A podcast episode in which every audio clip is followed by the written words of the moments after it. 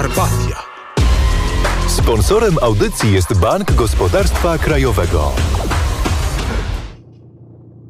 Dzień dobry wszystkim, Janek Kolęcki, Mikołaj Poruszek już na trasie. Dosłownie w tym momencie zjechaliśmy na prędkości e, na parking e, sklepu, e, żeby móc z Państwem chwilę zamienić kilka słów. Wyjechaliśmy właśnie z Lublina.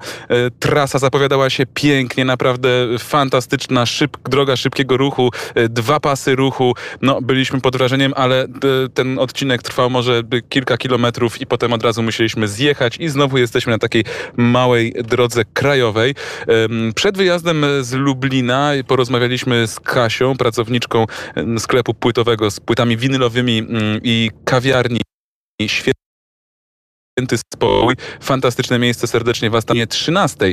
A teraz chcieliśmy się połączyć, żeby jeszcze podzielić się z Wami, co w ogóle mieszkańcy Lublina wiedzą o Via Carpati, bo e, w ciągu tego krótkiego czasu, który mieliśmy okazję spędzić w tym przepięknym mieście, e, chodziliśmy z mikrofonem i rozmawialiśmy z mieszkańcami, zadając im bardzo proste pytanie. Co to jest Via Carpatia?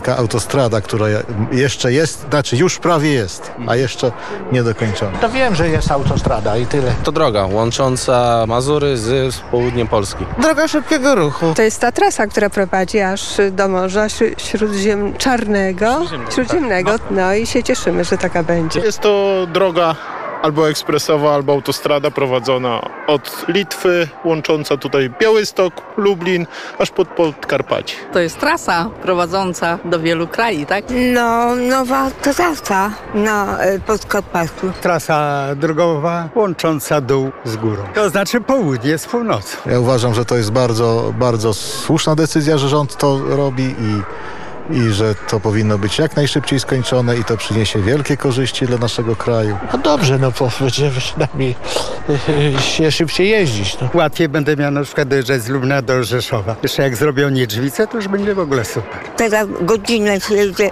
z Rzeszowa do Lublina, a przedtem dwie i pół. Oczywiście, że jest dobry pomysł i powinniśmy ją kończyć. To jak się pan dostanie z ma na Mazury e, zwykłym autobusem ciężarowym, to jest pograniczy czasami z cudem. Jak są, są korki, nie korki, to jest po prostu katastrofa. A to na pewno usprawni i odciąży lokalne drogi. Chyba ma to sens.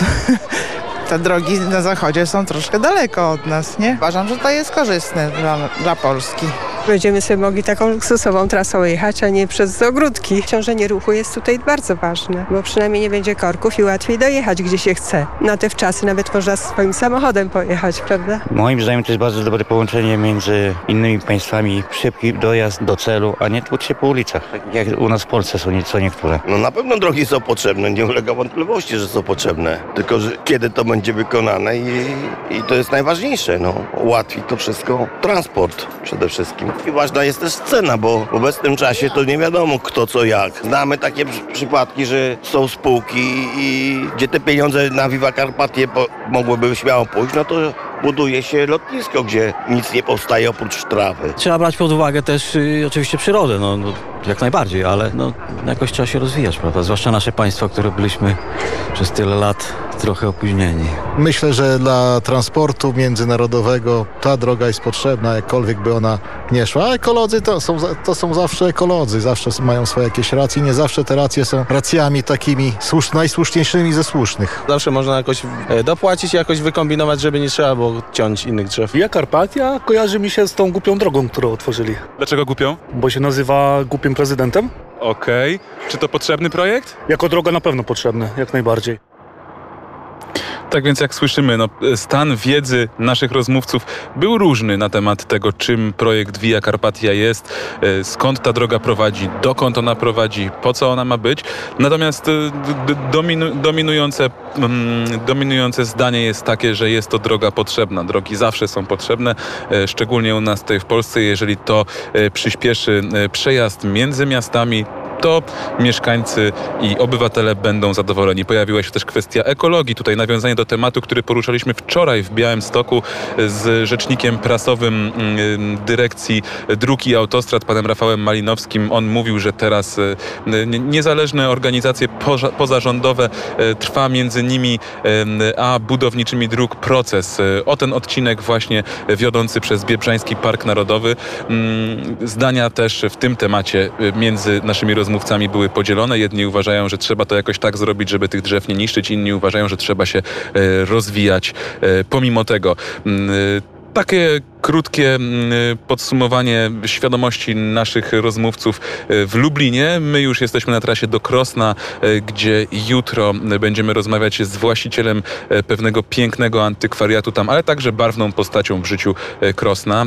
Więcej nie zdradzę, żebyście mieli troszeczkę niespodziankę. Tymczasem żegnamy się z wami. Pozdrawiamy serdecznie z drogi. Pewnie troszeczkę jej słychać, bo otworzyliśmy w samochodzie. Jest upalny dzień. Tutaj na Lubelszczyźnie naprawdę słonko przypieka. Ani jednej chmurki na niebie. Zielona, soczysta trawka, e, która już zdążyła odbić po zimie. E, Cieszy to oko mm, i można jechać do przodu. Trzymajcie się wszyscy. Do usłyszenia.